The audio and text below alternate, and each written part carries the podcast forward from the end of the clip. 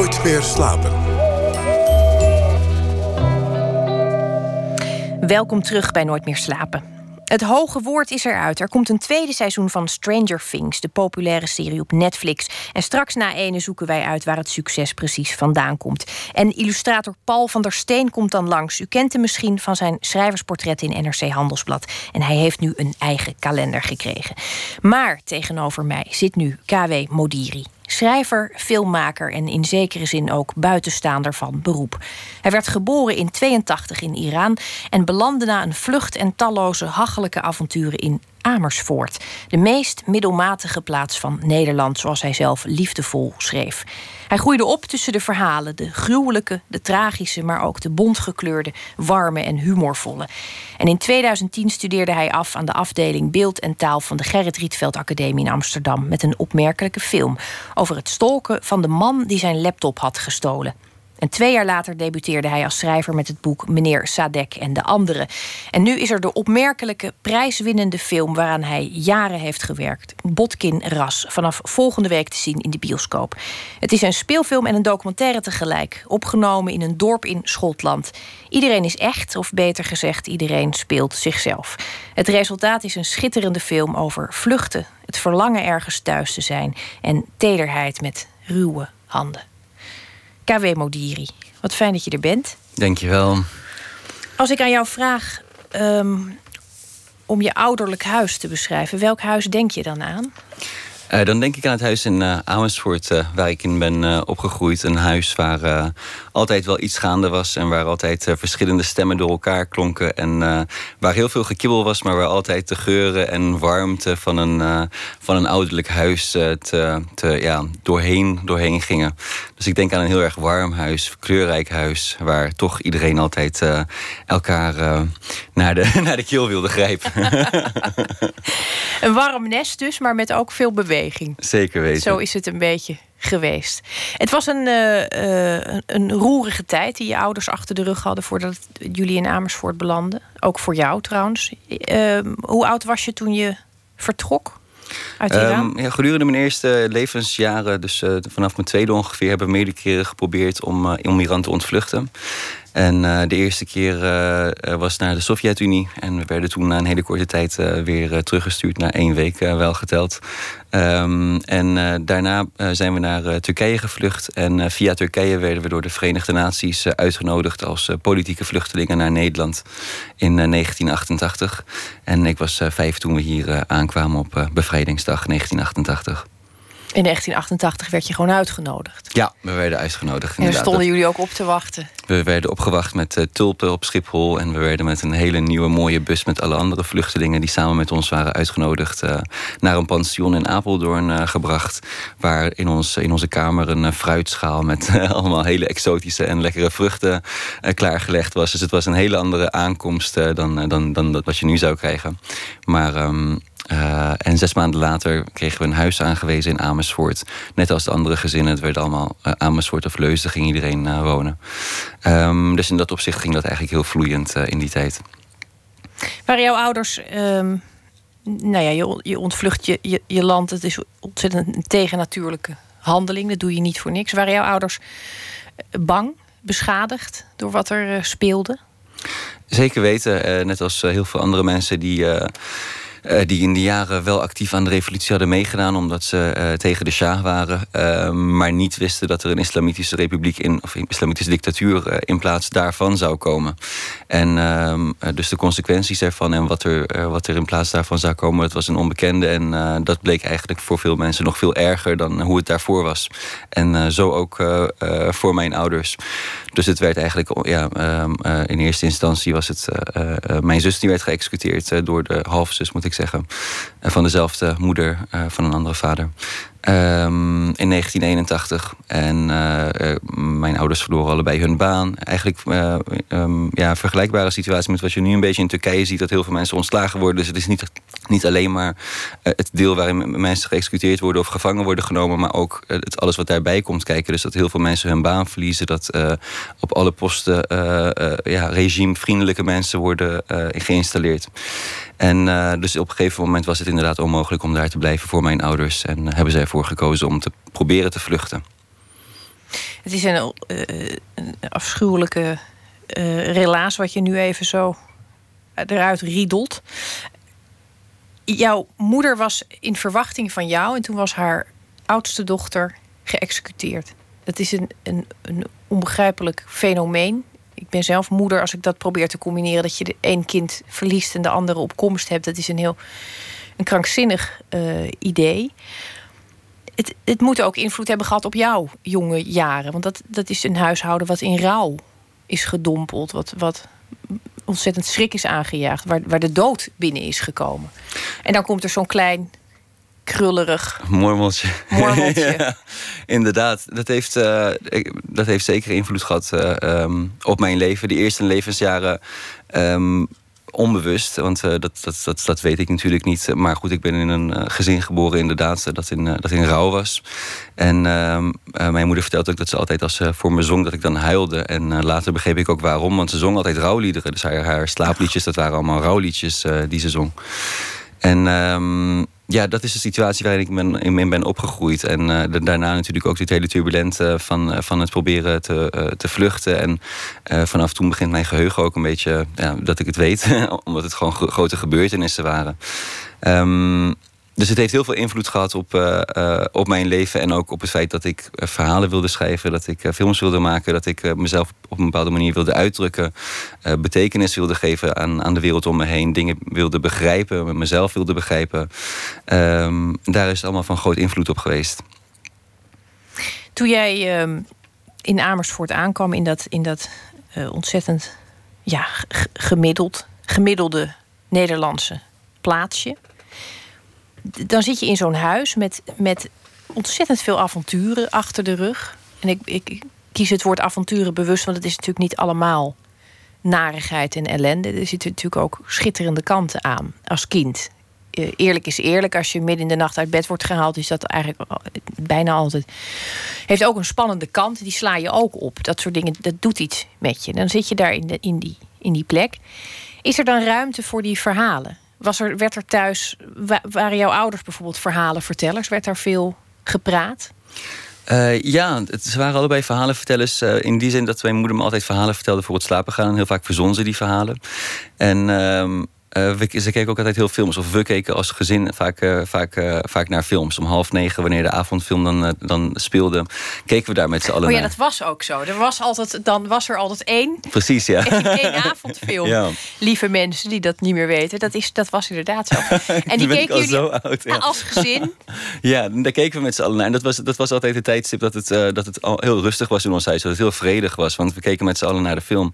En later toen ik uit huis ging, belden mijn ouders nadat ze de film hadden gezien, belden en dan uh, vertelde eerst mijn moeder uh, uh, wat er gebeurd was, welke films ze hadden gezien. En vertelde ze de film na. En dan vertelde ze het niet zo heel goed na. En daarna nam mijn vader de telefoon over. En vertelde hij de film nog een keer aan me na. Dus die traditie van, naar, van verhalen vertellen, van naar films kijken en dat uitvoerig analyseren, is iets dat ik van huis uit ook heb meegekregen um, in die zin. En toch wist jij niet direct, dat zou ook gek zijn geweest, maar jij wist niet direct dat je, die, dat je verhalenverteller wilde worden. Uh, je hebt best wel lang gezocht naar wat je moest gaan doen. Wat heb je allemaal geprobeerd aan studies en toestanden? Nou, ik wist eigenlijk wel altijd dat ik het wilde, dat ik wilde schrijven. Alleen ik wist überhaupt niet dat je zoiets kon studeren. Het was uh, in mijn, zoals ik opgroeide, was het als je goed was in wiskunde en natuurkunde, dan ging je dat studeren, want dat, dat, dat behoorde je te doen. En, in de, en uh, dus toen ik afstudeerde, of toen ik klaar was met middelbare school, begon ik met werktuigbouwkunde. En Werktuigbouwkunde. Juist. En binnen een paar weken was het mij al helemaal duidelijk dat ik niet op mijn eh, plek zat uh, daar. Wat moest je daar dan doen, bijvoorbeeld? Nou, het, het was gewoon meer. Uh, ik, ik, heb het echt twee, drie weken gedaan en ik ben ermee opgehouden. Ik Scheepsschroeven tekenen of zo. Bijvoorbeeld. Dat stel ik me erbij voor. Ja, en ik, ik, ik stopte met, met, met studeren heel gauw en ik ging fulltime in een bioscoop werken in Delft. en um, omdat ik gewoon merkte dat het niks, niks voor mij was. Zat je toch een beetje bij de film? Zeker weten, ja. En dat was een hele leuke bioscoop ook ook uh, Apollo, dat bestaat volgens mij niet meer, waar je binnen kon uh, roken en drinken en uh, mensen konden bestellen tijdens de film. Dus ik zag dezelfde film soms wel 20, 30 keer in de tijd dat ze draaiden. Um, en daarna heb ik een tijd lang rechten gedaan. En dat was de manier waarop ik in Amsterdam terecht kwam. Een oude manhuispoort, waar de rechtenfaculteit is. Wat een fantastisch uh, stukje Amsterdam is. locatie. Precies. Maar dat was niet de reden waarom je voor rechten koos? Of eigenlijk wel? Mm, nee, ik had gewoon geen idee nog wat ik, wat ik wilde doen. En ik wilde ook niet niks gaan doen. Dus ik dacht van, nou ja, ik begin daar maar mee om te zien wat ik kan doen. En bij toeval kwam ik er op een gegeven moment... kreeg ik een, een brief thuis van... je kan een tweede studie daarnaast doen. En als een van de voorbeelden was theaterwetenschap als optie aangegeven. En uh, ik, ik, dacht van, dat, wat fantastisch dat dat kan überhaupt. Dat je zoiets als theater kan studeren. En ik schreef me daarvoor in. En heel gauw werd het uh, mijn eerste studie. En stopte ik met rechten. En vanaf toen is alles wat ik gedaan heb wel in dezelfde... Ja, in, in mijn eigen werkveld geweest. Dus van theater heb ik daarna beeldende kunst gedaan. En films gemaakt. En theater gemaakt. En radio gemaakt. Um, en sindsdien is het dus allemaal wel gestroomlijnd vooruit gegaan. Wat, wat heb je aan uh, theaterwetenschappen als je uh, daarna films gaat maken? Want dat, is een, een, dat kan een, een aanwinst zijn, stel ik me voor. Uh, ik zou het niet één op één kunnen zeggen. In, het, het, was eigenlijk allemaal in die tijd voor mij gewoon om ja, wat, wat het meest waardevolle was, was om heel veel schrijvers uh, te lezen en om heel veel dingen te zien en uh, ja, op te nemen ik, een van de, de, eerste schrijvers die ik leerde kennen toen ik theaterwetenschap begon te studeren was Samuel Beckett. En op 17, 18-jarige leeftijd was dat echt een schrijver die mijn leven veranderde. En iemand die die zoveel meer dan ik op dat moment. Ik had het gevoel dat het leven allemaal nergens om ging en dat het allemaal zinloos was, zoals je wel eens denkt als je 17 bent. En, uh, was Daarna iemand, ook nog wel. precies. Iemand die dat nog honderdduizend keer uh, uh, um, ja, meer intens zag dan ik. En toch de mogelijkheid zag om overal humor in te zien. En elke steen om te draaien, net zolang dat hij er iets in vond. En nieuwsgierig genoeg was om, om heel oud te worden. En dat vond ik fantastisch. Dat iemand ja, die, die, die al die negatieve aspecten van het leven zag, maar toch genoeg nieuwsgierigheid, toch genoeg uh, mooie dingen kon vinden uh, om zijn leven lang nieuwsgierig te, te, blijven daarnaar en een taal te willen ontwikkelen en om dat steeds beter te willen articuleren. En um, ja, dat zijn wel ja, uh, schrijvers en makers die me gedurende mijn studies, onder andere bij theaterwetenschap, hebben geïnspireerd. En waar ik heel veel aan heb gehad, zonder dat ik het nou heel specifiek hè, vanuit het theater iets heb meegenomen naar film, maar meer de mensen die ik ja, daar heb ontdekt. Maar zoals jij nu over Beckett praat, ehm, en dat is niet toevallig, daar zit een stuk herkenning in. Die, die, hij, hij, zal je wakker hebben gekust, zoals je in je, in prille jaren altijd wel wakker wordt gekust door, bepaalde schrijvers. Soms wakker geschopt. Dat kan ook heel goed werken. Maar er, er, zit iets van herkenning in. En dan met name als jij zegt, zoals hij een steen van alle kanten net zo lang tot hij iets moois vindt. Ja. Zie ik dat goed? Ja, ja, nee, zeker. Natuurlijk, het is ook natuurlijk niet van. Ja, het is een van de mensen die me heeft geïnspireerd. En daar zit inderdaad ook een soort herkenning in die zin dat het. Uh, uh, tragicomische, dat is, dat, dat, die twee dingen gaan eigenlijk altijd voor mij uh, samen. Dingen zijn vaak. Um, ja, kunnen heel tragisch zijn en dat, dat zijn ze vaak ook. En als je er goed naar kijkt, dan, dan zijn ze soms heel heftig. En je ziet, ik zie daar uh, een strijd van leven en dood in. Ik zie daar ontzettend veel uh, um, ja, leed in. En tegelijkertijd zie je er ook altijd, als je goed kijkt, genoeg elementen in waar je om kunt lachen en die grappig zijn. En dat spreekt elkaar ook niet uh, tegen. Het relativeert, relativeert ook voor mij niet per se. Het, ontstaat, het bestaat gewoon naast elkaar en tegelijkertijd. En dat is iets wat, in mijn werk ook heel, heel erg sterk terugkomt. Of het nou een films is of romans. Maar die tegen, tegenstrijdigheid, wat eigenlijk geen tegenstrijdigheid is, maar naast elkaar bestaat. Ja, dat vind ik mooi. Ja, dat is, het, het is ook een beetje omdat je. Nou ja, dan zie ik dat jongetje weer dat in een wieg ligt en in slaap wordt gezongen met rouwliedjes. En daar, daar begint het eigenlijk al, die combinatie van lichtheid en, en duisternis. Um, je bent zelf eigenlijk een, een eeuwige buitenstaander geweest. Want je, bedoel, je, hoe je het ook went of keert, je komt aan in Amersfoort en je, je ziet er niet uit als een typische Amersfoortse knul. Ja. Um, heb je dat ook gevoeld als kind? En, en, en dat is eigenlijk, natuurlijk heb je dat gevoeld. Dat is een rare vraag. Um, wat ik eigenlijk wil weten is, vond je dat een prettige positie? Want je hebt kinderen die lijden daaronder. Je hebt kinderen die denken, nou, ik sta hier eigenlijk wel goed aan de zijlijn. Ik kan alles goed zien. Als kind uh, vond ik dat niet per se prettig. Ik weet dat ik als kind uh, uh, tot, tot, aan mijn 14e, 15, tot het moment eigenlijk dat ik op mezelf ging wonen en voor mezelf dingen begon te ontdekken als ja, volwassen wordend persoon. maar als kind vond ik het nooit prettig. Ik merkte wel dat ik heel erg anders was dan de mensen op school bijvoorbeeld. En dat de wereld thuis eigenlijk ondeelbaar was met de wereld daarbuiten. Dat gevoel had ik althans heel sterk. En ik had het gevoel dat ik niet hier vandaan kwam. Maar waar kwam ik dan wel vandaan? Want is mijn vijfde had ik niet meer in Iran gewoond. Ik was er ook niet meer terug geweest. Dus dat gevoel van waar, ja, van, van waar kom ik dan wel vandaan en bij waar hoor ik dan wel bij, dat leefde heel sterk. En dat was ook niet per se op een hele positieve manier, want ik was nog niet zo zelfverzekerd of ik vond het nog niet zo fijn om anders te zijn. En op een gegeven moment ging ik naar Iran voor het eerst. Ik was toen 17 en de eerste dagen dacht ik wat, een, wat fantastisch. Al die dingen die ik daar in Nederland miste, dat gevoel van herkenning heb ik hier heel snel. Maar al gauw uh, merkte ik aan, aan van alles dat ik geen uh, staats, Iraans staatsburger was. Uh, allerminst. Ik, bedoel, ik, wilde op een gegeven moment had ik te maken met um, uh, publieke instanties. En ik nam een paar keer de verkeerde ingang, wat kennelijk de vrouweningang was. Ja, dat dat, dat sowieso de vrouweningang, maningang gescheiden is, wist ik veel. En de derde keer was, was een soldaat die zijn mitrailleur op me richtte en zei van ik vertel het je niet nog een keer. Ik dacht oké, het is niet duidelijk dat ik echt niet hier vandaan kom. En toen ik terugkwam in Nederland was ik zo blij dat iedereen netjes in zijn eigen baan rijdt op de snelweg. En dat ik gewoon met iedereen Nederlands kon praten, dat iedereen netjes in de rij wacht. En uh, begon ik me ook langzaamaan steeds beter te realiseren dat ik gewoon wel hier vandaan kom. En uh, naarmate ik ouder werd, uh, 17, 18 en steeds meer op een plek terecht kwam, ook hier en steeds meer in de gezelschappen terecht kwam, waar ik veel dingen gemeenschappelijk mee had, interesses in kunst, literatuur, film. Um, begon ik me ook steeds meer op een plek te voelen en vertaalde dat gevoel van er niet bij horen of hier niet vandaan komen en waar kom ik dan wel vandaan. Dat vertaalde zich juist naar eigenlijk overal, en zeker binnen Europa, overal heel snel kunnen aarden. En um, vertaalde dus zich ook naar iets uh, positiefs. Uh, zoals ik het eigenlijk ook nu, uh, nu beleef. En dat is wel ja, iets, iets, iets wat, wat heel erg veranderd is sinds, sinds mijn jeugd.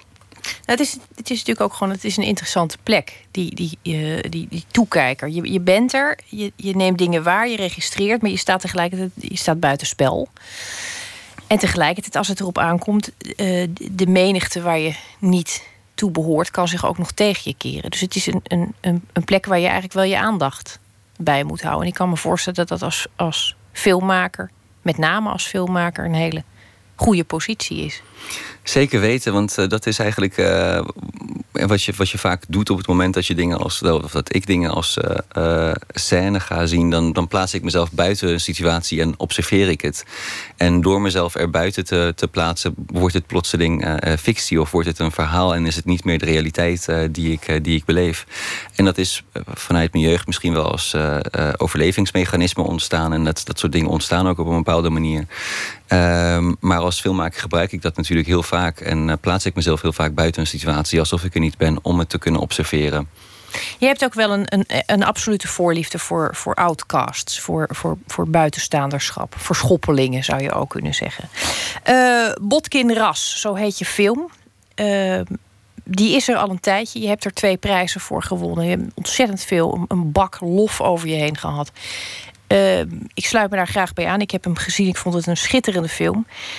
Ook omdat hij in vorm afwijkt van wat ik al kende. Je hebt iets heel nieuws gedaan. Het is een hybride eigenlijk tussen een documentaire op de, op de huid van mensen en een film. Er zit eigenlijk maar één acteur in de film, hè? Dat klopt, ja. De hoofdrolspeler. Ja. Um, wat dat teweeg brengt onder andere... is dat je als kijker uh, je voortdurend af zit te vragen: is dit in scène gezet? Is dit gescript? Kan dat eigenlijk wel? Je gaat de mens ook zien voor wat hij is.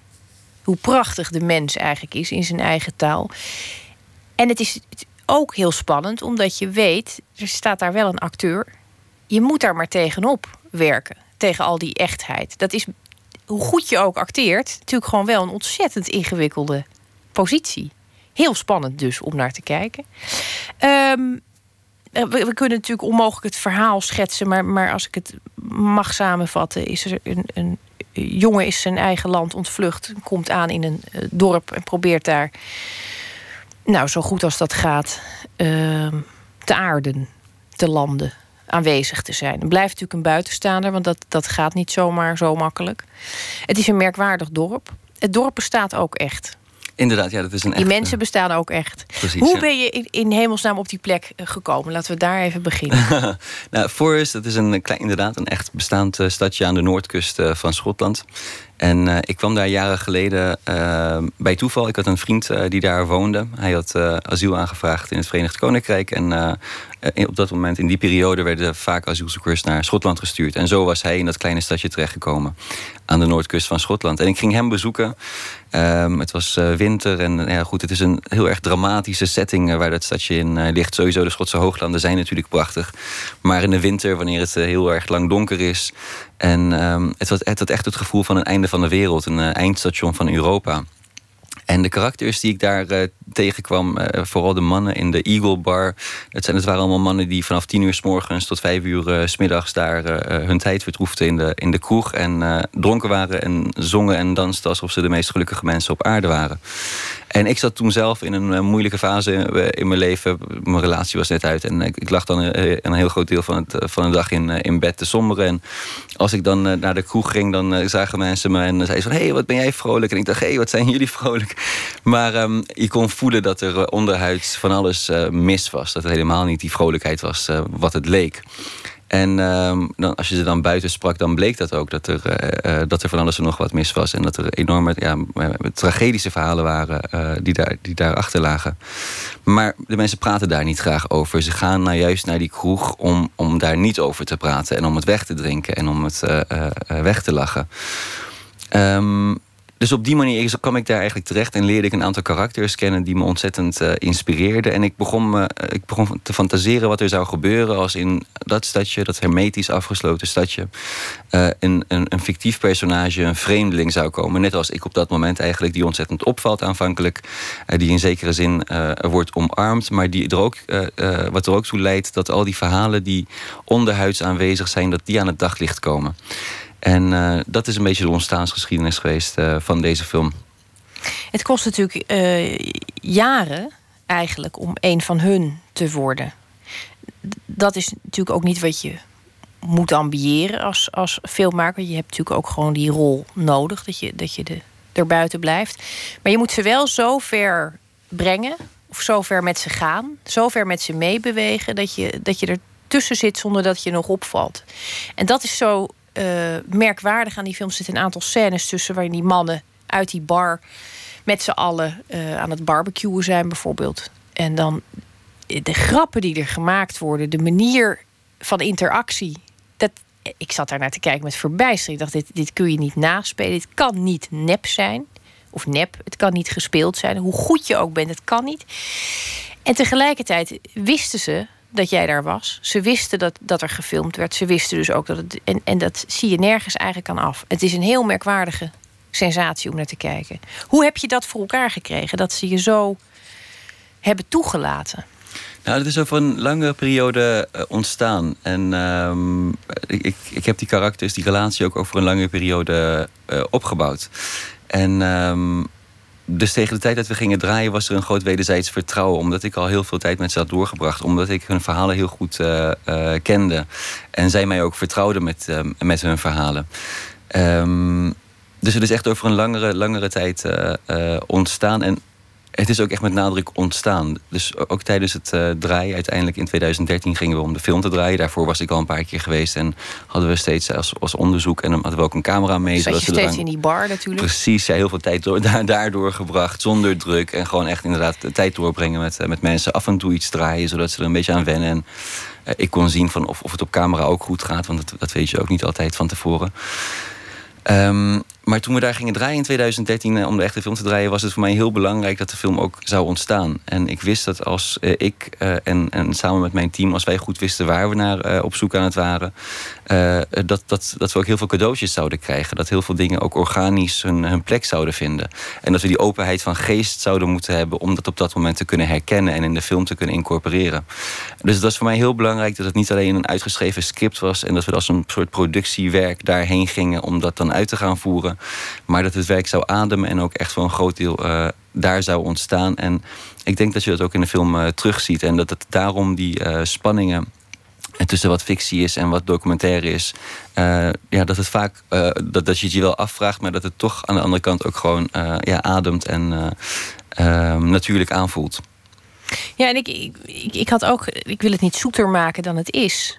Ehm, maar het is ook in zekere zin wel een, een, een liefdesverklaring aan wat de mens is. Je, bedoel, je ziet die mensen die zijn beschadigd, die zijn ook soms uh, naar. en ze zijn zwak.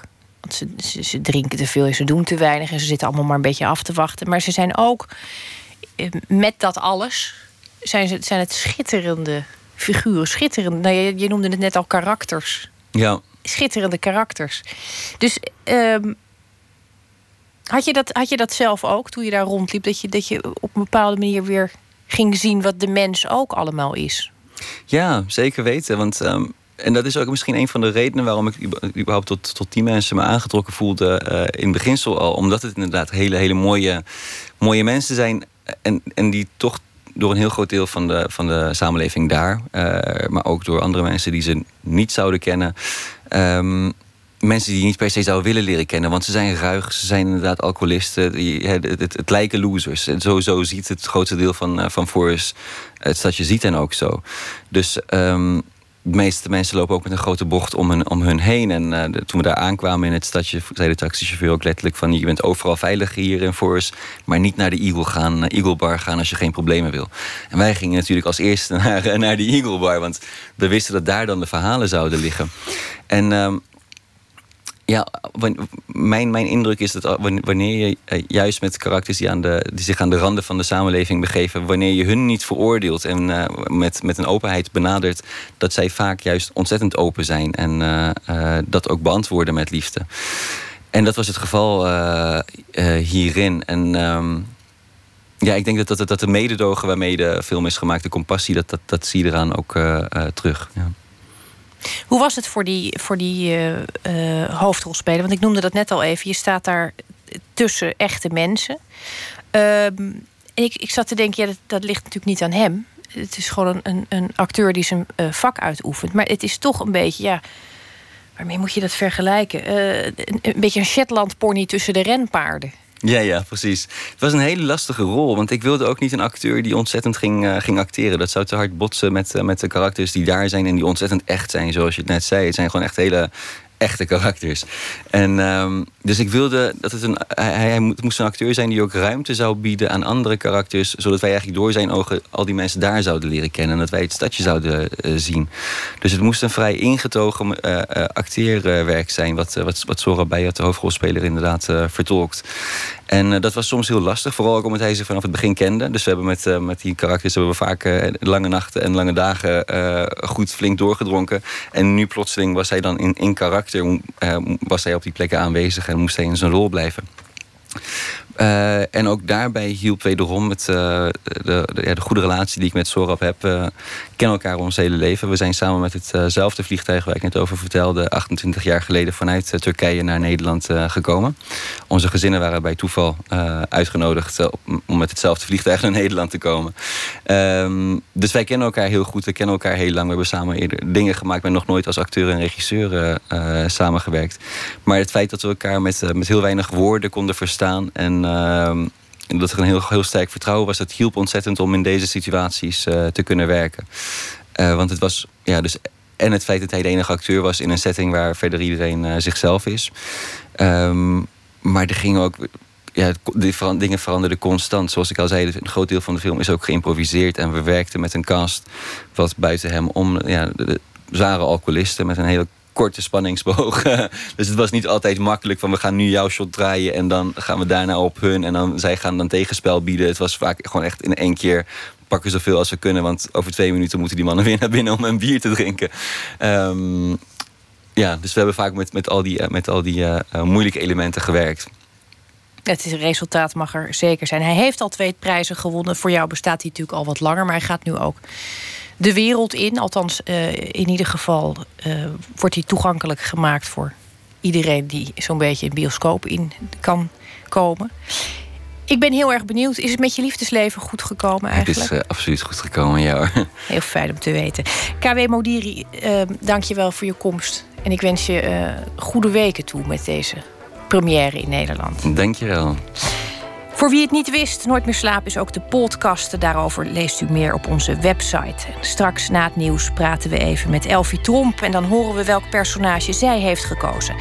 Dat en meer na het nieuws van 1 uur.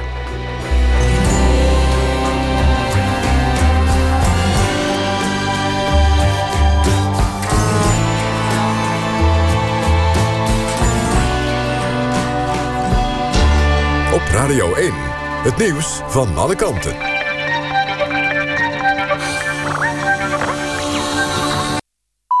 1 uur, Clemens Peters met het NOS Journaal. Het aantal asielzoekers dat dit jaar naar Nederland komt daalt fors... zei staatssecretaris Dijkhoff gisteravond in Met het oog op morgen. Op dit moment zijn het er 17.000... terwijl er in heel 2015 bijna 60.000 vluchtelingen naar Nederland kwamen. Volgens Dijkhoff neemt het aantal zo fors af vanwege de Turkije-deal. Veel gemeenten hebben extra opvangplaatsen geregeld... in de verwachting dat er veel vluchtelingen zouden komen. Nu lijkt dat de instroom veel lager uitvalt... kunnen geplande asielzoekerscentra volgens Dijkhoff worden gebruikt... om mensen die mogen blijven onder te brengen. In Italië is ophef ontstaan over een spotprent in het Franse satirische tijdschrift Charlie Hebdo. Op de tekening, onder de kop aardbeving op Italiaanse wijze... worden de slachtoffers uitgebeeld als pasta-gerechten. Een bebloede man wordt penne met tomatensaus genoemd. De burgemeester van de zwaarst getroffen plaats, Amatrice, is woedend. Hij begrijpt niet dat mensen een spotprent maken over doden. Een topman van het Openbaar Ministerie heeft een nieuw psychiatrisch onderzoek voor Volkert van der Graaf wel degelijk een verkooppraatje genoemd. Minister van de Stuur ontkende dat eerder deze week nog. Maar de advocaat van de moordenaar van eh, Pim Fortuyn van der Graaf heeft in Pauw een bandopname laten horen. En daarop zegt Van der Graaf dat hij van de voorwaarden van zijn voorlopige vrijlating af wil. OM-topman Pieters wil daar wel in meegaan... maar alleen als Van der Graaf opnieuw psychiatrisch wordt onderzocht. En hij ondersteunt dat met de woorden... we hebben een verkooppraatje nodig. Er is geen lijst met Gulen-leerlingen, zegt burgemeester Van der Laan van Amsterdam.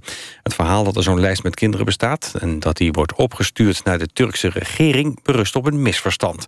Het document waar het over gaat is juist een brief van ouders... die hun kinderen van een Gulen-school willen afhalen. Gisteren zei wethouder Kukenheim nog dat er wel zo'n lijst bestaat. Van der Lijn wijt het verschil in antwoorden van hem en de wethouder... aan het gebrek aan tijd om er onderling over te spreken.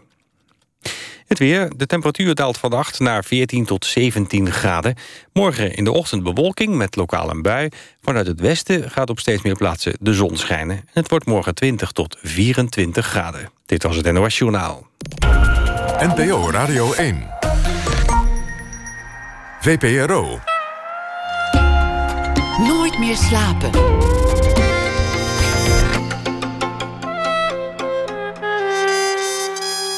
Met Esther Naomi Perquin. Goedenacht en welkom terug bij Nooit meer slapen. Het was deze zomer een van de best bekeken tv-series. Stranger Things, een thrillerachtige serie in een jaren 80 setting te zien op Netflix. En straks hoort u waarom die serie zo ontzettend goed aan is geslagen.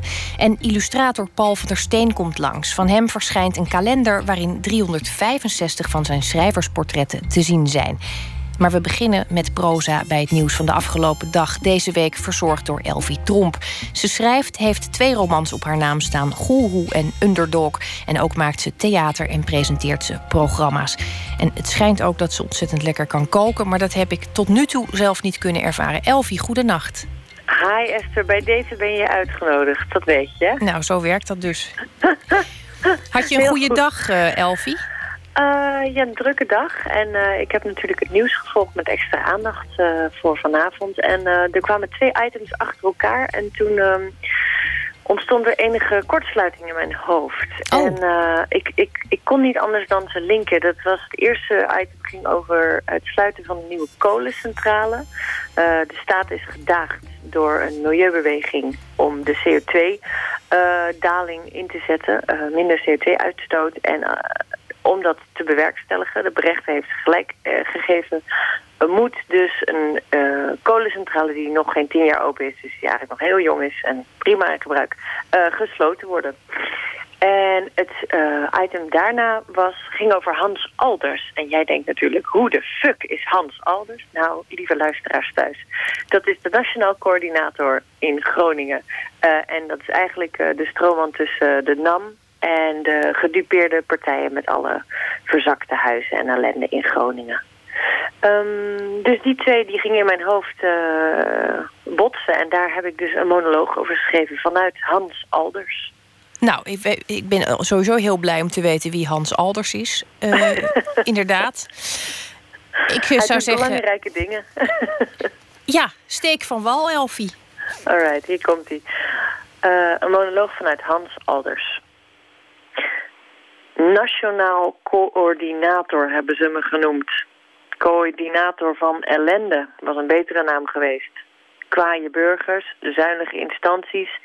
Ik moet ze dus bij elkaar brengen. De een boort, de ander klaagt. Ik ben de specie dat tussen de scheuren klontert. Verzakte muren, volgelopen kelders, ingestorte kerken. Ik hoor het allemaal bij elkaar te houden, maar hoe? Ik ben een kat zonder klauwen. Knikken, luisteren, rapportjes schrijven, zegje doen. Sussende woorden vullen geen spouwmuur. Kijk, ik was het niet gaan doen als ik niet van praten hield. Hans even koffie doen noemen ze me inmiddels. Kijk, ik heb een luisterend oor en krijg soms wat gedaan. En hou iedereen te vriend, maar nu maak ik me zorgen, want denk jij dat die ellende echt voorbij is nu? In een andere provincie is de staat gedaagd. Te veel CO2 en iemand moet betalen. Dus de nieuwe kolencentrale gaat dicht voor meer groen. Nou ben ik dol op natuur. Daar hebben we ook heel wat van groeien hier bovenop onze gasbedden in Groningen. Maar kom, denk even met mij mee. Hoe denk jij dat dit wordt opgelost? Waar wordt dat tekort aan energie door opgevangen? Zonnepanelen? De zomer is al voorbij. Wind? Weet jij wat zo'n molen kost? Nee, ik weet al op wiens deurtje ze komen kloppen. Want niemand wil meer betalen en vooral niemand wil minder gebruiken. We moeten het toegeven, wij Hollanders zijn energieverslaafd. En ik wil steeds liever het licht even uitdoen. Gewoon in het donker zitten en stil zijn. Heel stil als ze op mijn deurtje komen kloppen. Ja, je gunt zo'n man die daar als specie functioneert... toch ook wel eens eigenlijk een beetje rust aan zijn hoofd. Ja, maar ja, de, de ellende, het houdt nooit op, Esther. Het, Maar zit er, niet, het zit er niet in. Ehm, dat minder gebruiken, hè?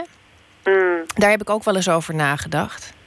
En toen dacht ik, hoe moet dat dan met stoofvlees? ja, dat is het einde van de stoofvlees. Je hoort dus nooit iemand verder over stoofvlees in dit hele verhaal. Ik snap dat het geen prioriteit heeft. Maar ik zou het toch, nou ja, Afschaffen, afschaffen die handel. het is klaar met het stoofvlees. Nou, ik, ik moet dit eh, thuis eh, voorzichtig brengen, denk ik. Nou, sowieso is het op de schaal van de darmkanker een goed plan om het niet te vaak te eten. Ja, nou, met die tip, Elfie, eh, gratis tip van Elfie Tromp, sluiten we af. Jij hebt deze hele week doorstaan voor ons, waarvoor onze innige dank. En we hopen je volgende keer weer te horen. Maar ik wens je voor nu gewoon een ontzettend goede nachtrust nog toe. Tot snel. En als je bij me komt eten, het wordt geen stoofvlees. Dat is, dat is het ding dat zeker is. Dank je wel. Oké, doei. Dag. Er is een nieuwe single van de man die ooit drummer was bij de Fleet Foxes, maar tegenwoordig onder de naam Father John Misty muziek uitbrengt. En we gaan luisteren naar Real Love Baby.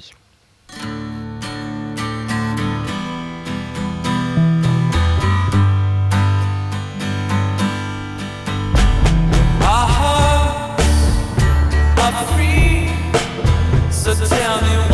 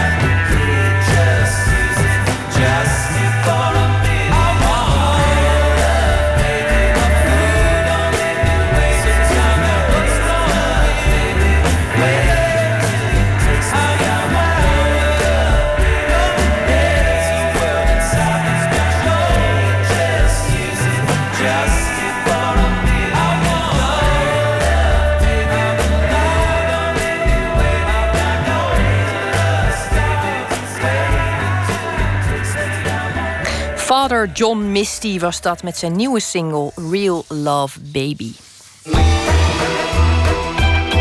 Nooit meer slapen. Cassettebandjes opnemen met punk- en wave-muziek. Opzichtige blauwe oogschaduw en een tv met een antenne. Het is het jaar 1983.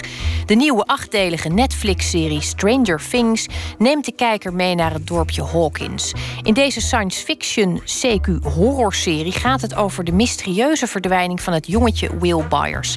Wat verklaart het succes van Stranger Things? René van S. vroeg het aan wetenschapsjournalist en science fiction liefhebber George van Hal. Aan het begin van de serie krijg je een, een, een wetenschapper. Een beetje het cliché van de, van de slechte wetenschapper die, die door een gang rent. En is iets vreselijk misgegaan. Die stapt in een lift en dan in een soort klassiek horrorscenario... komt uit de hoek waar hij niet naar aan het kijken is... komt er een wezen en dat zie je natuurlijk niet. En dat, dat trekt hem trekt hem weg en dan bam, dan is de serie begonnen.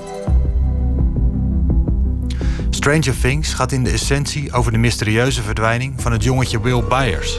Hello? Hello? Zijn beste vriendjes Mike, Shadow grows on the wall behind you. Dustin Oh, Jesus, we're so screwed if it's the Demogorgon. It's not the Demogorgon. en Lucas proberen hem te vinden. Een groepje nerdige vrienden die je uh, overal zou kunnen tegenkomen. Zeker in de VS, maar ik denk ook hier in Europa of in Nederland. An army of troglodytes charged into the chamber. Troglodytes. Told you. Deze jonge hoofdpersonages zijn de drijvende kracht achter de serie. Het zijn niet de populaire jongens van het dorp. Ze houden van wetenschap en spelen uren achter elkaar het bordspel Dungeons and Dragons. The Demogorgon! We're deep shit. Will, your action! I don't know. Fireball him! have to roll a 13 or higher. Too risky. Cast a protection spell. Don't be a pussy. Fireball him! Cast protection. The Demogorgon is... Herken jij jezelf daarin? Nou, ik denk uh, in elk geval het, het Dungeons and Dragons spelen. Uh, dat heb ik vroeger ook wel vaker met vrienden gedaan. Ja, op die manier zo'n zo'n avontuur beleven. Zij doen dat volgens mij in, uh, in de eerste aflevering tien uur achter elkaar. Zo. Ik geloof niet dat ik het ooit zo bond gemaakt heb. Maar ik kan me dat wel voorstellen. Dat je je zo lang in zo'n fantasiewereld verliest. als je met elkaar dat verhaal aan het maken bent. Fireball! Oh, where'd it go? Where is it? I don't know. Is it a 13? I don't know. En het leuke daarvan is ook dat je in Dungeons and Dragons moet je ook een beetje samenwerken met elkaar. Je, ja, je vecht met elkaar niet eens tegen het, tegen het spel, maar je maakt je eigen, je eigen verhaal. En dat doe je als kind continu. Of je nou uh, door de bossen loopt en uh, uh, de ene persoon is een, is een monster en de andere persoon is een ridder. of met elkaar om een tafel zit en, en dat soort verhalen aan elkaar vertelt. Dat maakt niet zoveel verschil. Stranger Things zit vol met verwijzingen naar science fiction en horrorfilms uit met name de jaren 80. Aliens, Jaws, The Goonies, Star Wars, Poltergeist. De lijst is oneindig. Ja, ja, waar het me in eerste instantie meteen aan deed denken was E.T. Um, sowieso is de serie wel, uh, leunt wel stevig op, op Steven Spielberg. Ook qua, qua visuele stijl en qua de manier waarop de uh, scènes in elkaar overlopen. Nou ja, uh, van alles en nog wat. Um, E.T., daar deed het me vooral aan denken omdat de jongens op een BMX fietsjes rondrijden. En op een gegeven moment ontdekken ze al in de eerste aflevering een, een meisje die nou ja, misschien niet buitenaards is, maar wel heel anders dan, uh, dan de meeste mensen. En uh, dat lijkt al wel een beetje op die rol die E.T. in die film speelt. Met zaklampen, hè? Dan schijnen ze met zaklampen erop. Ja. Dat is ook in E.T. zo. Ja, ja precies. Ja. ze, fietsen, ze vliegen nog net niet voor de maan langs met, nee. met haar in een, in een kapje. Je hoort de makers van de serie hierover, de Duffer Brothers. I mean, Spielberg obviously is a big one. John Carpenter is a big one. Wes Craven, particularly Nightmare on Elm Street, is was a huge influence on us growing up. And then Stephen King was obviously not a filmmaker, but just his those you know his big fat novels that we would read growing up were just you know we wanted to try to capture a little bit of that feeling again with the show. En waar het me heel erg aan deed denken is uh, Stand By Me. Die uh, verfilming van, uh, van het boek van Stephen King. En ehm, daar zitten ook wel echt een aantal expliciete verwijzingen naartoe. Op een gegeven moment lopen ze langs zo'n treinrails met elkaar. Terwijl ze op zoek zijn naar, naar Will, hun vriend. En dat is gewoon letterlijk eigenlijk een scène uit Stand By Me. En ik heb ook begrepen dat de regisseurs, de acteurs... zinnen uit het script van Stand By Me hebben laten oplezen als, als auditie. Om te kijken of hun onderlinge chemie een beetje leek op de chemie die die personages in die film hadden. Wat zegt dat dat die Duffer Brothers hiermee wegkomen? Met dat, nou ja, je zou kunnen zeggen het is gejat. Maar het is ook origineel misschien op, opnieuw gebruikt. Hoe zie jij dat? Nou, dat is, dat is wel vaker een kwestie. J.J. Abrams krijgt bijvoorbeeld ook uh, tegenwoordig heel vaak die kritiek... dat hij, uh, dat hij dingen namaakt die al eerder gedaan zijn. Dus de director van Star Wars en Star Trek, die nieuwe ja, films? Ja, ja, en ze zeggen dan van de nieuwe Star Wars film... is eigenlijk een copy-paste van, van episode 4. Um, tegelijkertijd vinden heel veel mensen dat ook mooi... omdat dat juist uh, ze doet denken aan die eerdere filmervaringen en die eerdere serieervaringen die ze gehad hebben. Dat speelt hier ook een rol. En het is ook wel zo dat hij met dat soort bekende elementen eigenlijk een compleet nieuw verhaal en een compleet nieuwe serie opbouwt. Die dan juist wel weer op een hele originele manier in elkaar steekt. Dus, dus dat hommagegevoel, dat is eigenlijk maar een, heel klein deel van het verhaal. En ik denk dat de, de kracht van de serie zelf, van de verhaallijn en van de acteerprestaties en de muziek die eronder zit, dat dat puzzeltje zo goed in elkaar valt dat het um, echt wel veel meer is dan de som der delen. Want het gaat natuurlijk niet alleen over science fiction, het gaat ook over vriendschap. Het gaat over de relatie tussen uh, ouders en kinderen. Ja. Dat maakt het misschien ook wel sterk, stiekem. Ja, iedereen kan wel iets vinden waar ze zich in kunnen verplaatsen in die serie. En dat, dat werkt natuurlijk hartstikke goed. We were wondering if you had time to talk. We have some questions. A lot of questions. So you know how in Cosmos, Carl Sagan talks about other dimensions, like beyond our world? Yeah, sure. Theoretically. Right, theoretically. So, theoretically, how do we travel there? Het is natuurlijk altijd heel erg moeilijk om, om te zeggen wat er nou uh, wel en niet echt is. Um, uh, want de serie is natuurlijk van A tot Z is het fictie. Die uh, parallele universa die daarin voorkomen, um, daarvan vermoeden theoretisch fysici dat ze echt bestaan. En dan kijken ze naar, de, ja, naar hun vergelijkingen, naar wiskunde. En daaruit borrelt dan omhoog dat er misschien inderdaad wel zoiets zou kunnen bestaan als een parallel universum. En meestal zijn dat dingen waarin ja, de geschiedenis net iets anders is gegaan. Misschien hebben de Duitsers wel de Tweede Wereldoorlog gewonnen. Misschien zijn we wel nooit naar de, naar de maan gevlogen. Misschien bestaan jij en ik wel helemaal niet, om, omdat je ouders voor jouw geboorte een keertje onder een bus zijn gelopen. Nou ja, dat soort parallele universa, daar wordt veel over gesproken. In dit geval wordt in de serie vaak gezegd dat het gaat om een, om een andere dimensie waar ze in terechtkomen. And our dimension has rules. You can move forwards or backwards. En dat doet mij heel erg denken aan concepten uit de snaartheorie. Daarin heb je de zogeheten braanwereldhypothese. En dat wil eigenlijk zeggen dat je, nou ja, misschien leven wij wel in een soort driedimensionaal membraan. En daar zit het complete universum in opgesloten. Maar het kan dan ook best dat, nou ja, millimeters daarboven een ander driedimensionaal braan zweeft. En uh, als je dan een trucje uithaalt, zou het misschien kunnen dat je van het ene membraan naar dat andere membraan kunt reizen. En dat lijkt uh, de serie in elk geval te impliceren dat dat, dat, dat gebeurt. Got to let me know. Should I stay or should I go? Wat maakt deze serie volgens jou een succes? Nou, gedeeltelijk is het natuurlijk nostalgie. En alles, alles ademt jaren tachtig uit. Zeker weten, van de BMX-fietsjes tot de, uh, tot de kledij en de muziek die mensen luisteren. Ja, schaamteloze kapsels. Ja, de schaamteloze kapsels, absoluut. Ja.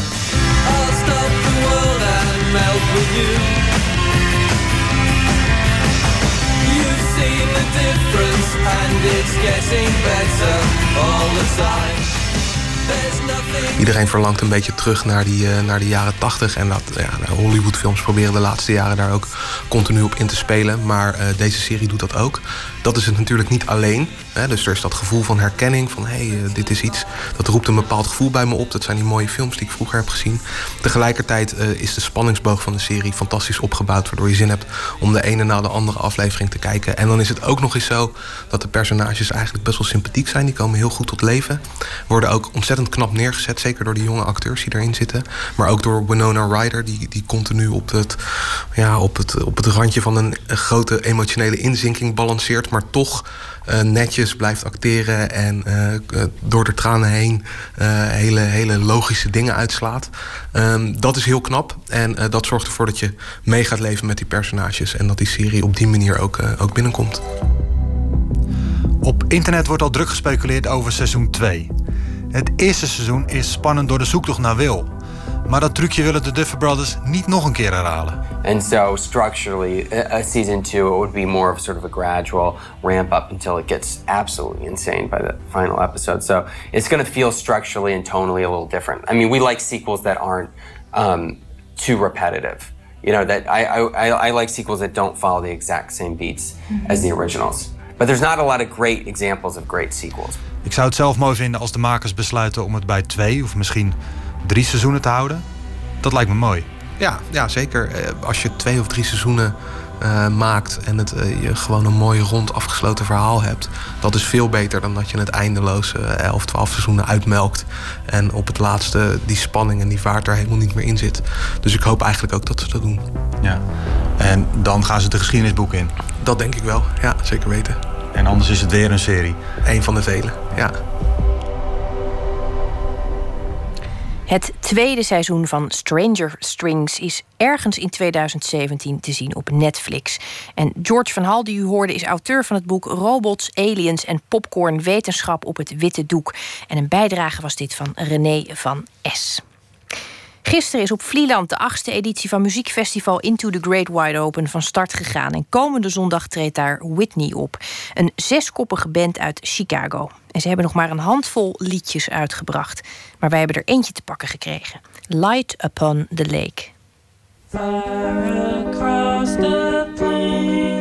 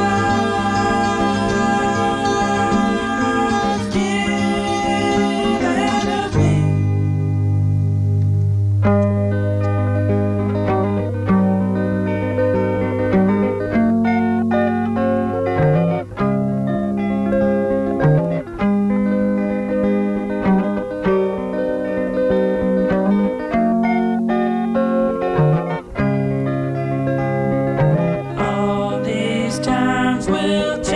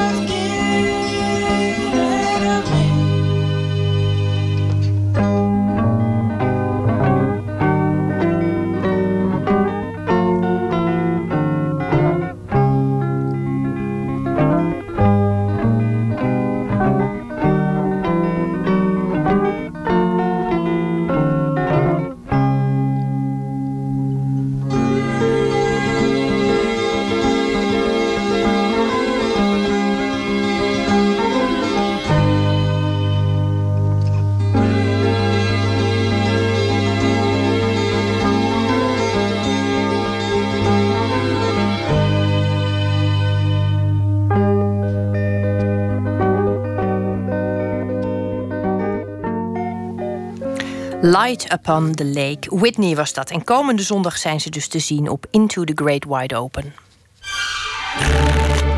Open kaart.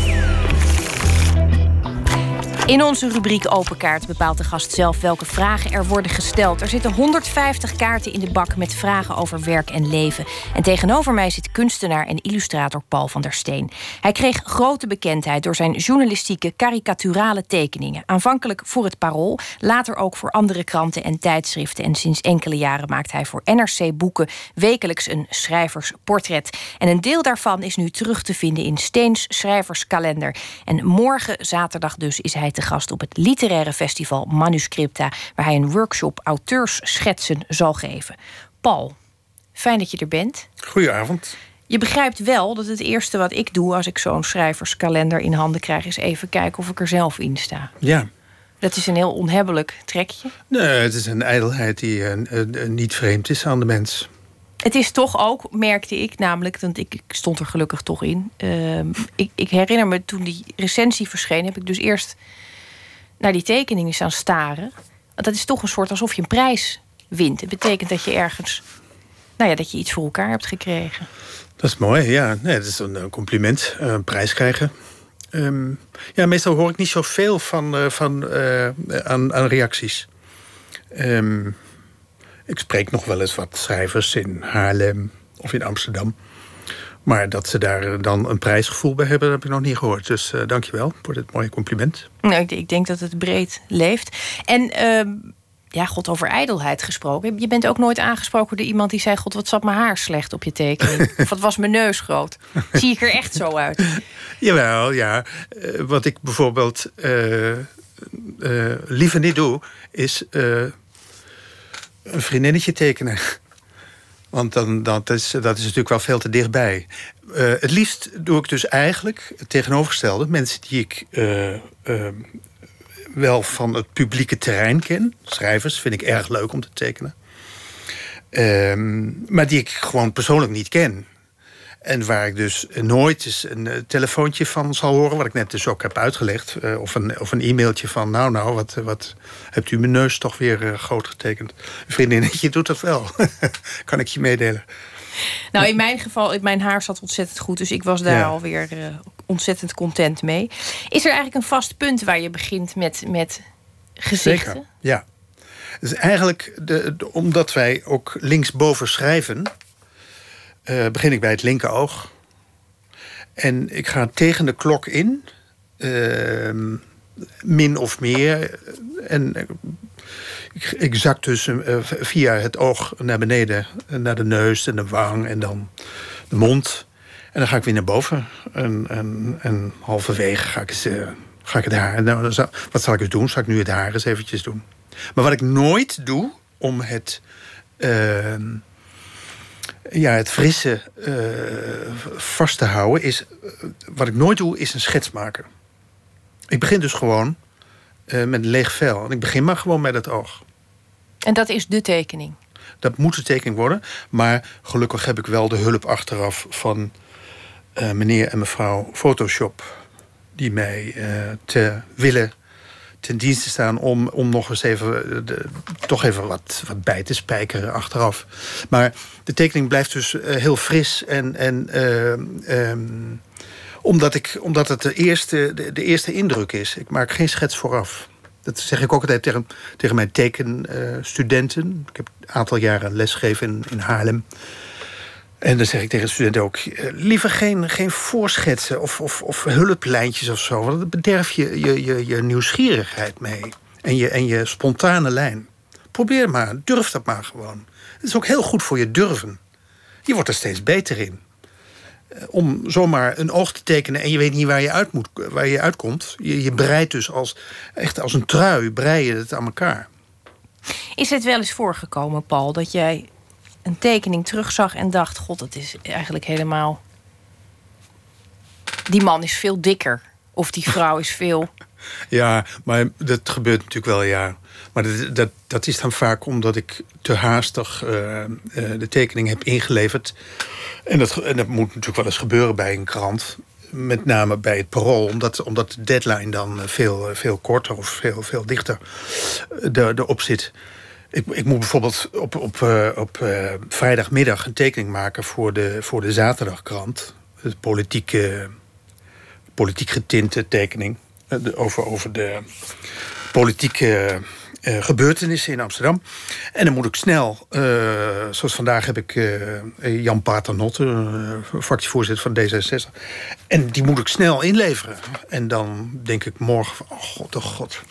Ik had er toch eigenlijk even wat meer tijd voor moeten hebben. Dan was het wat beter geworden. Maar niet als ik alle tijd heb.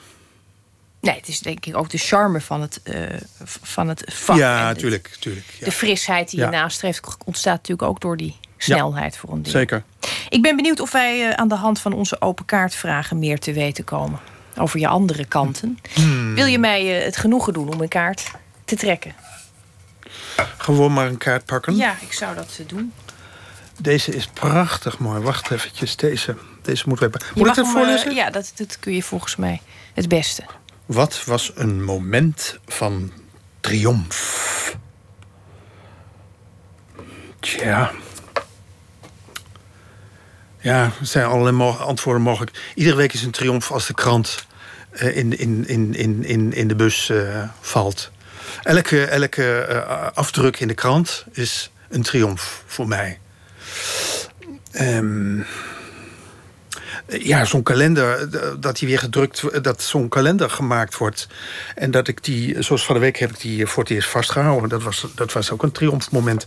Kijk eens, dit is 25 jaar werk. Oh, wat leuk. Dat is een triomf, ja. Triomf is ook wel een groot woord, hè. Dat heb ik niet zo heel snel, hoor. Van die grote... Je hebt niet de neiging tot grote woorden. Nee. En buiten het, eh, het, het, het, het tekenen, in je, in je andere bezigheden, zijn er dan triomfmomenten? Ehm, ja, nou ja. ehm, leuk. eh, eh, ja, een, een, een, eh, ik, ik zit in de muziek. ehm, zoals u misschien weet, of misschien ook niet. Maar daar, daar, eh, het is, het dan, ehm, eh, ik zit in een Cubaans bandje. En dan spelen wij met vijf, zes mensen, zeven mensen. En ehm, dan is het vreselijk leuk als er heel veel mensen voor je staan. die eh, naar jou toe komen. eh, om eh, van die muziek te genieten. Of eh, afgelopen week waren er niet zo heel veel mensen. Speelden we eh, dinsdagavond in een tuin in, in Haarlem. Er waren 30 mensen. Het was lekker weer. En mensen zitten aan, aan, aan de witte wijn.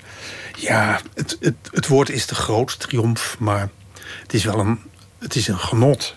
Dat is, het, dat is een mooi woord. Even genieten, flink genieten. Flink genieten. Ja. Ja, de- die Cubaanse muziek, daar, daar hoort iets bij wat jij met je handen kunt. Nu, nu kun jij toevallig meer dingen met je handen die andere mensen niet kunnen, hebben we al geconstateerd. Maar er is eh, in de muziek ook iets specifieks wat je met je handen kunt. En wil ik toch vragen, nu je hier bent, om dat heel even te laten horen. Zou je dat even willen? Oké. Ja, je bedoelt dat ik mijn eh, instrument eh nadoe. En dat heet maracas. En in Ne- Nederlanders kennen dat alleen onder het woord samba-ballen. Maar dat komt door André van Duin. Die dat, dat liedje heeft gezongen. Maar het heet dus maracas. Ik speel maracas. Dat is klein percussie. En dat klinkt zo. Dat heb ik eens gevraagd. En daar moet je bij zingen ook als...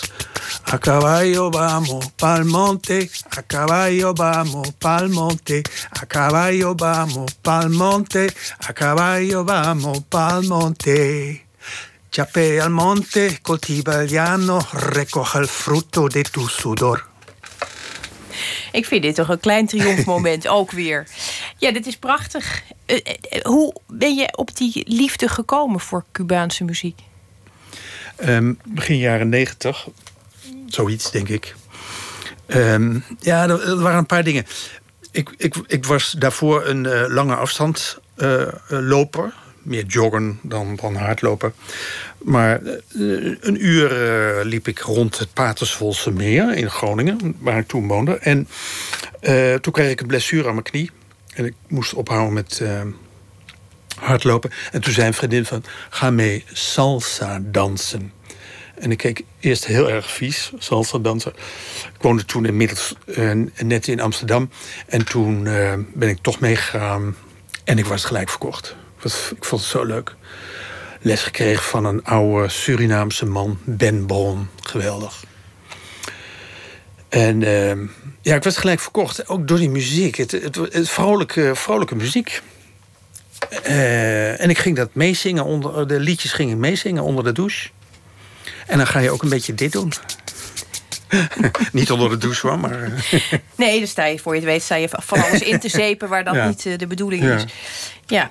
Wil je nog een vraag eh, nemen, alsjeblieft? Oké. Ehm, wat wil je later worden? Dat vind ik altijd een goede vraag eigenlijk. Ja, weet ik niet. ehm, ehm, dezelfde als die ik nu ben. Namelijk ehm, een nieuwsgierig tekenaar.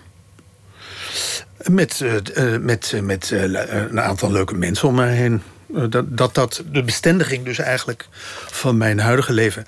En dat moet je, dat, dat klopt wel hoor. Dat is dus niet alleen maar het bestendigen, maar dan moet je ook worden, als het ware.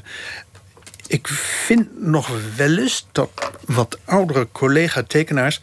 ehm, eh, ehm, eh, ja.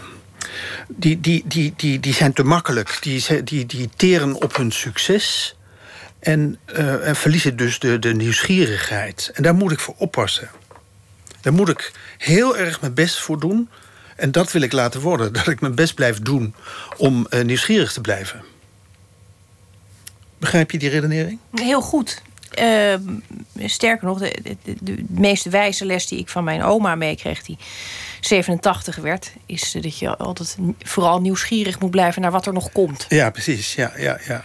Dus ik begrijp die redenering, maar het, het, het zegt me ook iets anders. Want jij zei net al, je hebt een, een, een soort natuurlijke afkeer van grote woorden. Vervolgens zeg je, eh, het was niet echt hardlopen, het was meer, meer joggen. Ehm, er zit een, een, een ontzettende tevredenheid met wat je hebt. Dus er zit- ook gewoon een, een vorm van een soort bazaal geluk.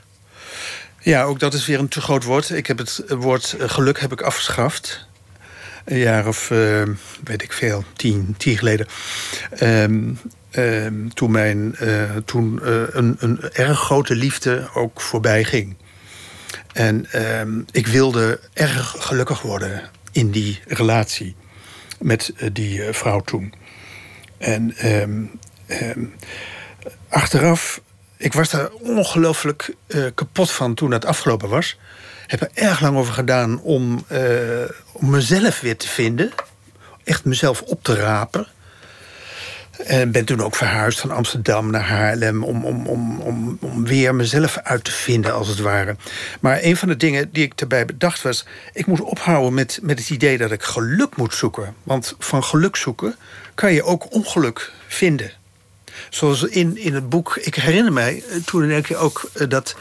ehm, eh, hoe heet dat boek? Eh, de, de, de kip die over de soep vloog. Van Frans Pointel. Frans Pointel. Die schreef...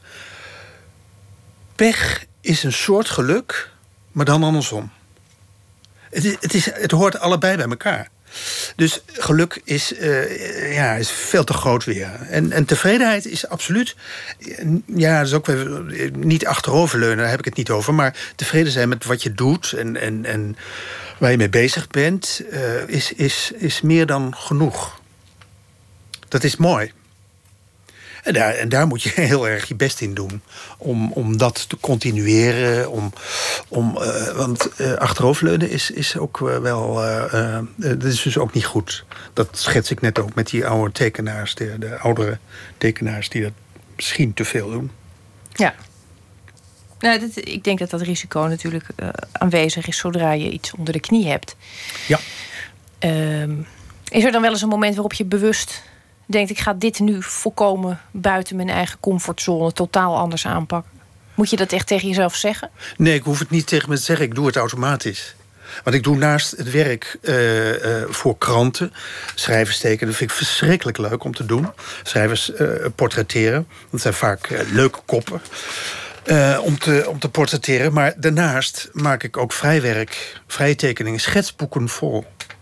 Waar niemand, eh, ook eh, misschien zal dat, zullen weinig mensen dat werk ook zien.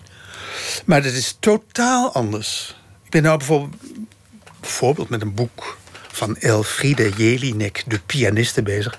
En dat vind ik zo geweldig. Eh, kil, eh, eh, cynisch, eh, maar, maar het grijpt me bij de strot. En als ik dat boek lees, dan, dan zie ik beelden voor me van, van scènes. En die wil ik dan ook gaan verbeelden. En dat doe ik in mijn, in mijn geheime schetsboeken, zal ik maar zeggen. Ja, ik heb toch de, de hoop nu onmiddellijk dat die geheime schetsboeken toch ook ooit nog een kalender gaan vormen. Ehm, Paul van der Steen, hartelijk dank dat je er was. En ik vermeld nog even dat Steens schrijverskalender op 16 september aanstaande officieel wordt gepresenteerd. En daar staat natuurlijk iedereen die er ontzettend toe doet, staat erin. Dankjewel. Alsjeblieft. Hij was een van de smaakmakers op festivals als North Sea Jazz en Lowlands. Anderson Paak, een Amerikaanse rapper die net zo goed in de funk als soul thuis is. En van zijn laatste album Malibu is dit The Bird.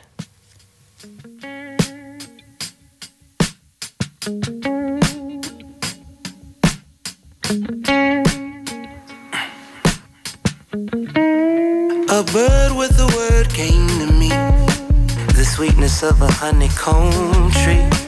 And now I look what's taking over me. Couldn't fake it if I wanted to. I had to wake up just to make it through. I got my patience and I'm making do. I learned my lessons from the ancient rules. I choose to follow what the greatest do. A bird with a word came to me. The sweetness of a honeycomb tree. Now I look what's taking over me. Couldn't fake it if I wanted to. I had to wake up just to make it through. I got my patience and I'm making do. I learned my lessons from the ancient rules. I choose to follow what the greatest do. I'm repping for the longest cycle. mm. My uncles had to pay the cost. mm. My sister used to sing the Whitney. mm. My mama caught the gambling bug. mm. We came up in a lonely castle. mm. My papa was behind them bars. mm. We never had to want for nothing. mm. Said all we ever need is love. mm. We see the same thing. We sing the same song. We feel the same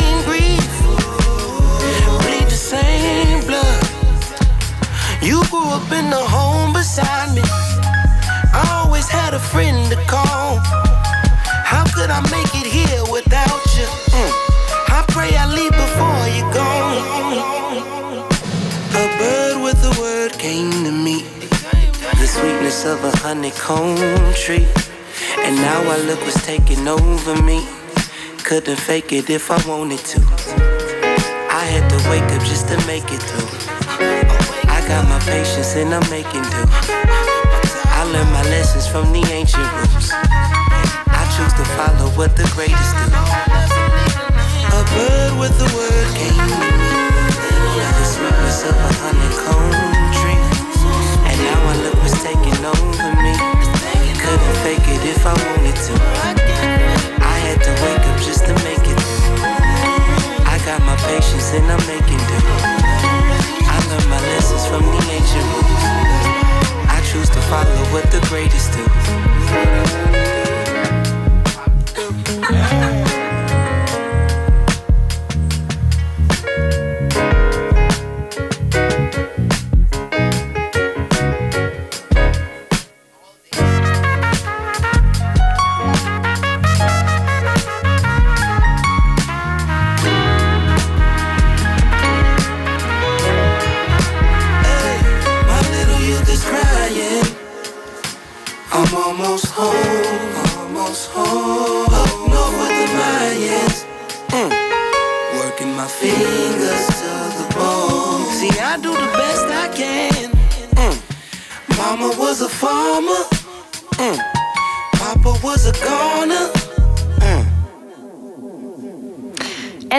Dat is zo iemand die eh, drumt terwijl hij zingt. Wat mij toch een behoorlijk lastige combinatie lijkt. Het is zoiets als slagroom kloppen en een kat aaien tegelijk. Maar zo'n man kan dat en The Bird heette dit nummer.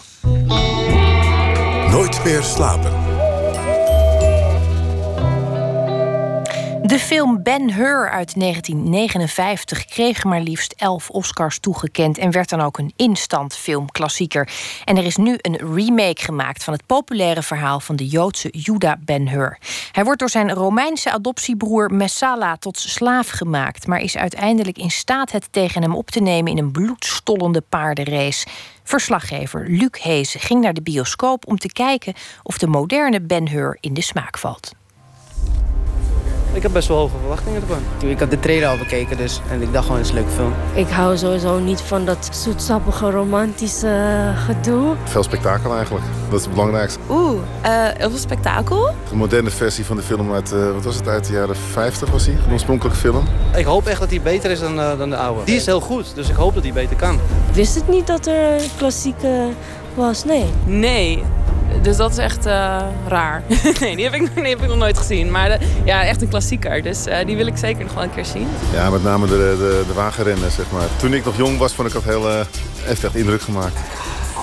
family. You're my brother. You'll always be my brother. Everything I own is yours. No. Everything. Never have your name.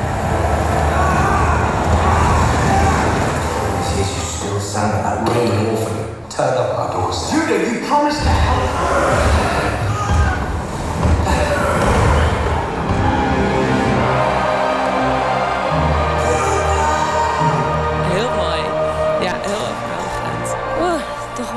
Dan ik dacht. Hij was vet. Ja. Hij was goed tot het einde. Ja, serieus. Ik vond het einde niks. Het is een verhaal van twee broers. Een Joodse en een Romeinse jongen. De Romeinse is als eh, wees aangenomen in een rijke Joodse familie in Jeruzalem. Ja, die Romeinse jongen die voelt zich niet helemaal eh, één met de familie. Dus die gaat op een gegeven moment het leger in. Mean you're going to Rome? Stop. En die wordt een hele ja, belangrijke hoge pief in het Romeinse leger. En keert dan tegen zijn familie, tegen zijn Joodse familie. Take them all. Take them all! En stuurt eigenlijk eh, zijn hele familie eh, de verdoemenis in. En zijn broer, of ja, stiefbroer, die eh, stuurt hij de galeien in, heet het volgens mij, zeg maar die schepen. En dan spoelt hij aan eiland en uiteindelijk komt hij terug in Jeruzalem en vechten de twee broers in de arena, dus op de wagen. Aan het einde heb je zo'n race met van die paarden. Dat vind ik wel vet eruit zien. Uiteindelijk komt het helemaal op die race uit. Dat was bij de eerste film ook zo. Het is echt sensationeel. Boodschap zit erachter. De hele lijn met Jezus van Nazareth die dan ook nog tussendoor komt. Dat is vast in de oorspronkelijke film ook zo, maar dat had voor mij niet zo gehoeven. Hier zat wel echt ehm, denkstof in. Ik vond het af en toe ook wel een beetje te zoetsappig en een beetje iets te, te Amerikaans, vooral op het eind. Het enige wat ik er niet zo goed of ehm, eh, zeg maar realistisch aan vond is dan de, de kleding. Omdat ze lopen allemaal een beetje in skinny jeans en zeg maar strakke, slimfit-achtige outfits. Wat ze volgens mij in die tijd niet echt eh, droegen. Dat er een origineel bestaat van 1955, dat ga ik zeker op internet nog even nazoeken. Ik ben wel echt nieuwsgierig geworden, ja. Nou, gaan we dan toch maar de oude film. Ik hou zelf wat van meer alternatieve films. Dus dat, maar ik vind het wel vermakelijk, laat ik het zo zeggen.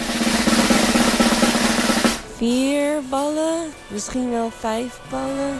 Vier en een half. Van de vijf ballen geef ik hem 3,5. Vier. Ik zou hem een, ehm, een drie geven. Drie voor het mooie verhaal en dan, nou, drieënhalf. Mag dat ook? De nieuwe Ben Hur dus in alle grote bioscopen en filmhuizen in Nederland te zien. En een bijdrage was dit van Luc Hezen. De trip-hop-veteranen van Massive Attack brachten in augustus een nieuw nummer uit met de Amerikaanse zangeres Hope Sandoval in de hoofdrol. Dromerig, sfeervol en traag. Kortom, ideale nachtmuziek. Luister naar The Spoils.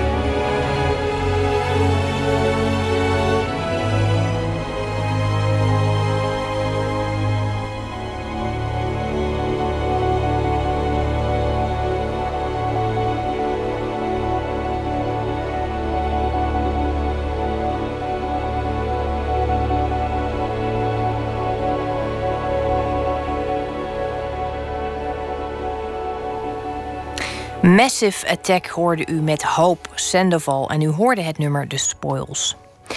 We sluiten af met poëzie van Ingmar Heitse. Dit jaar verscheen zijn verzameld werk voor de liefste onbekende.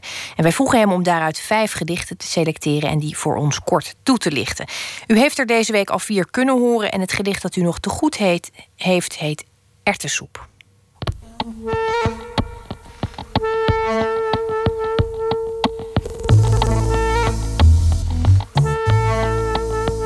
Erwtensoep. Mijn moeder, die er verder met geen stok het ijs op kreeg, kookte in het schaatsseizoen enorme pannen erwtensoep. En deelde deze uit vanaf de steiger voor ons zomerhuisje. De soep genoot een faam tot ver achter de dijken. Men reed er graag een plas voorom of klunde zich te bramen. Een enkeling trotseerde een nat pak onder de brug. Slechts eenmaal is hij ingegaan op een verzoek om het recept. Een vage kennis wou sturen naar een zuster in Amerika. In de lente kregen we een kaart. We really enjoy your erwtensoep. We nemen elke dag een stukje bij de koffie. Soms vragen mensen wel eens eh, wat er waar is van een gedicht, of het autobiografisch is. En als dichter hoor je daar je neus voor op te halen en te zeggen dat dat natuurlijk niet zo werkt. En dat het allemaal geabstraheerde weergave van de werkelijkheid is, et cetera, et cetera. En dat de ik in het gedicht niet de dichter zelf is of niet hoeft te zijn. Maar in dit geval is het meeste wel waar. Mijn, mijn ouders hadden, dat hebben ze nog steeds, eh, een huisje in een van de polders rondom Utrecht. En eh, als het schaatsseizoen werd, lag het daar nogal snel dicht. Dat betekende dat we er toch heen gingen. Dan dacht mijn moeder, als ik er toch ben, dan, kan, kan ik ook wel gewoon erwtensoep gaan eh, koken. En dat, ze verkocht het niet, ze deelde het gewoon uit voor wie er zin had. Dus, dus die hele polder vol schaatsers werd een soort extended family van mensen die een bak erwtensoep kwamen, kwamen halen. Ja, het is waar dat er echt mensen speciaal voor omschaatsen om dat te pakken te krijgen. En het einde van het gedicht is eigenlijk ontleend aan een eh, grap die, die mijn zus een keer vertelde. Dus dat is niet echt gebeurd, maar dat is gewoon een grap die ze ook maar ergens, eh, ergens gehoord had. Ik lees het gedicht nog een keer. Erwtensoep. Mijn moeder, die er verder met geen stok het ijs op kreeg, kookte in het schaatsseizoen enorme pannen erwtensoep. En deelde deze uit vanaf de steiger voor ons zomerhuisje. De soep genoot een faam tot ver achter de dijken. Men reed er graag een plas voorom of klunde zich te bramen. Een enkeling trotseerde een nat pak onder de brug. Slechts eenmaal is hij ingegaan op een verzoek om het recept. Een vage kennis wou het sturen naar een zuster in Amerika. In de lente kregen we een kaart. We really enjoy your erwtensoep. We nemen elke dag een stukje bij de koffie.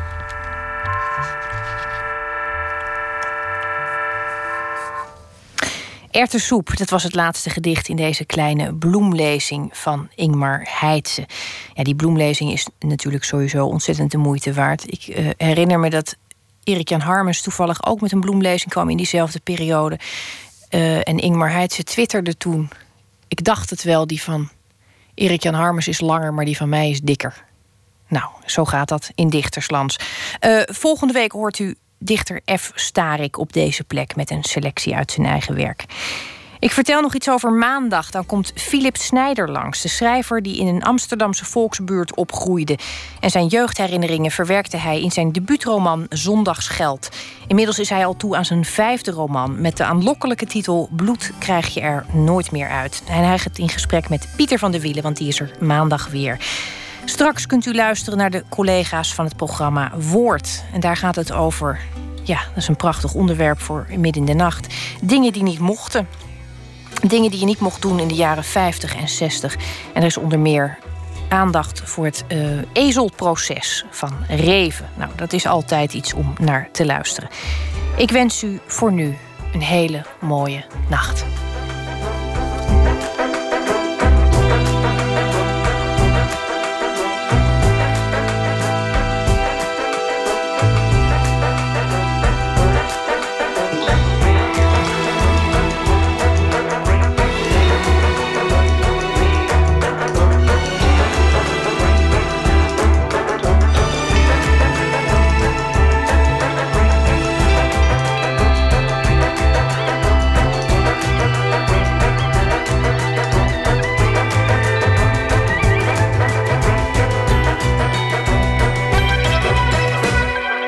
Radio 1. Het nieuws van alle kanten.